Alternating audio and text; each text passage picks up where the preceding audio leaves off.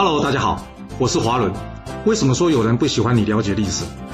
因为历史可以让你了解顶层阶级的思考方式，成为他们的竞争者，也可以让你看到许多前人成功以及失败的案例，让你的竞争对手睡不好觉。而最重要的是，历史可以让你了解人性。我们刚刚在战国第二十二集的故事中有讲到啊，这张仪与司马错讨论了秦国应该要先攻打韩国，还是先攻打巴蜀的问题啊。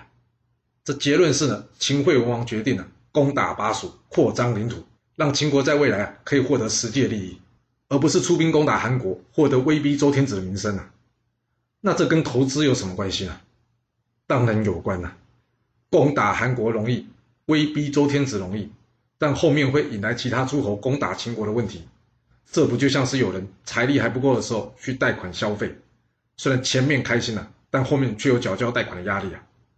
我不是说消费不对啊，若是这消费可以为你创造更大收益或是机会啊，那这消费就是投资，就值得去做。那再来看出兵攻打巴蜀，道路艰险，胜负难料这件事，跟我们现在有什么关系呢？这不就像是储蓄或是计划开支一样吗？没有人说你这样做一定会成功，而且这过程也不轻松。不过一旦成功了，将可以为自己的财源稳定啊提供一定的支持力度。国家是这样，企业是这样，个人也是这样啊。巴蜀的资源呢，其实就像是秦国的现金流啊，只有充足的现金流，秦国才有可能源源不绝的在后来的战事上不断的向前推进啊。打个比方来说吧，你觉得一天一杯一百五十元的咖啡啊，来展现一下文青的气息比较好，还是一天投资一些零股，充实自己的现金流比较强？我们可以算算看，一天一百五十元呢，一个月用二十工作天来计算了，也就是说会有三千元，而一年呢，至少会有三万六千元。要是投资报酬率以百分之五计算，那一年的股息会有多少？就是一千八百块啊。换句话说，就是一年可以为你产生一千八百元的现金流啊。而累积十年呢，就算不用复利计算，也可以累积成一万八千元。要是用复利计算，第一年不算入的话呢，就是一万九千八百四十七元。二十年之后，这个数字会变成多少？变成五万四千九百七十元。也就是说，二十年后啊，你一年三百六十五天呐。每天都会有一百五十元的现金流啊，可以让你拿来啊喝一杯咖啡。当然，按照上面的公式啊，要是你将每天放进去的金额呢，从一百五十元变成五百元了，这答案就会变成五百元，也就是呢每个月多一万元，每年增加现金流十二万。